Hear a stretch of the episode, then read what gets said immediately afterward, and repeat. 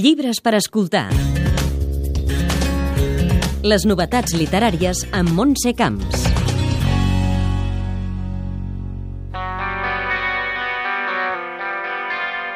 L'any literari comença potent amb diversos noms. Maria Barbal, Toni Sala, Joan Manasiu, Haruki Murakami o Alice Munro només són alguns noms.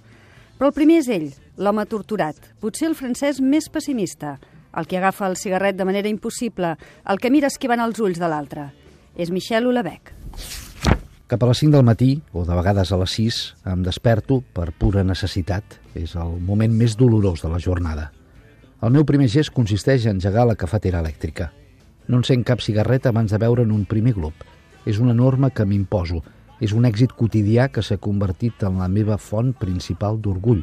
L'alleujament que m'aporta la primera pipada és immediat, d'una violència esbalaïdora. La nicotina és una droga perfecta, una droga pura i dura, que no aporta cap alegria, que es defineix exclusivament per l'estat de necessitat i pel cessament de la necessitat. Quatre anys després de submissió, on parlava d'una França governada per islamistes, Olebec torna amb serotonina, la baixada als inferns d'un home de 46 anys, funcionari del Ministeri d'Agricultura, que pren antidepressius que li provoquen efectes adversos gens desitjables. Després de descobrir uns vídeos pornogràfics on apareix la seva companya japonesa, deixa la feina i comença a vagarejar per la ciutat i a repassar les seves històries d'amor, marcades sempre pel desastre, mentre el seu país i la Unió Europea s'ensorren. Una crònica novament dura i potser la més punyent sobre la decadència d'Occident d'un dels escriptors francesos més cèlebres, autor de les partícules elementals, tan adorat com rebutjat. Serotonina el publica en català i castellà l'editorial Anagrama.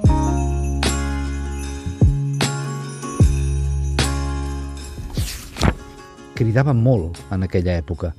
Les nits es feien llargues quan la seva agitació, els tremolors i les mirades de Raül confluïen en una força terrible. Probablement ens estàvem adaptant, dues persones que havien tingut l'expectativa, fins i tot el propòsit, de viure soles. D'adulta jo no havia viscut mai amb ningú. No tenia ni idea del que això podia arribar a revelar sobre mi. El que sí que recordo perfectament és que aquelles primeres discussions ens arrossegaven fins al seu món ideal – el seu món simbòlic i que m'espantava comprovar que em tocava, o així és tal com ho considerava jo, fer el paper d'estar ferm, un ninot embolcallat de coloraines i eslògans que jo mateixa era incapaç de veure.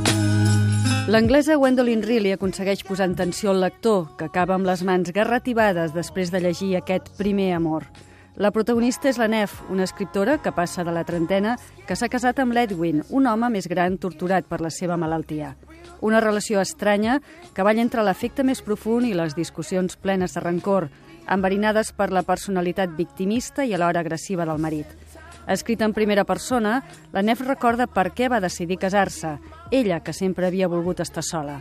Parla d'altres amors i de la relació amb una mare absent i egoista i un pare violent. Una excel·lent novel·la, concisa i agradolça, amb uns diàlegs molt ben treballats que parla sobre la relació tòxica d'una parella i s'endinsa les capes més profundes del cor humà. El publica l'editorial Les Hores. Però les primeres setmanes de l'any ens porten moltes més novetats i ara en repassem només algunes. Maria Barbal, l'autora del clàssic Pedra de Tartera, torna amb A l'amic escocès.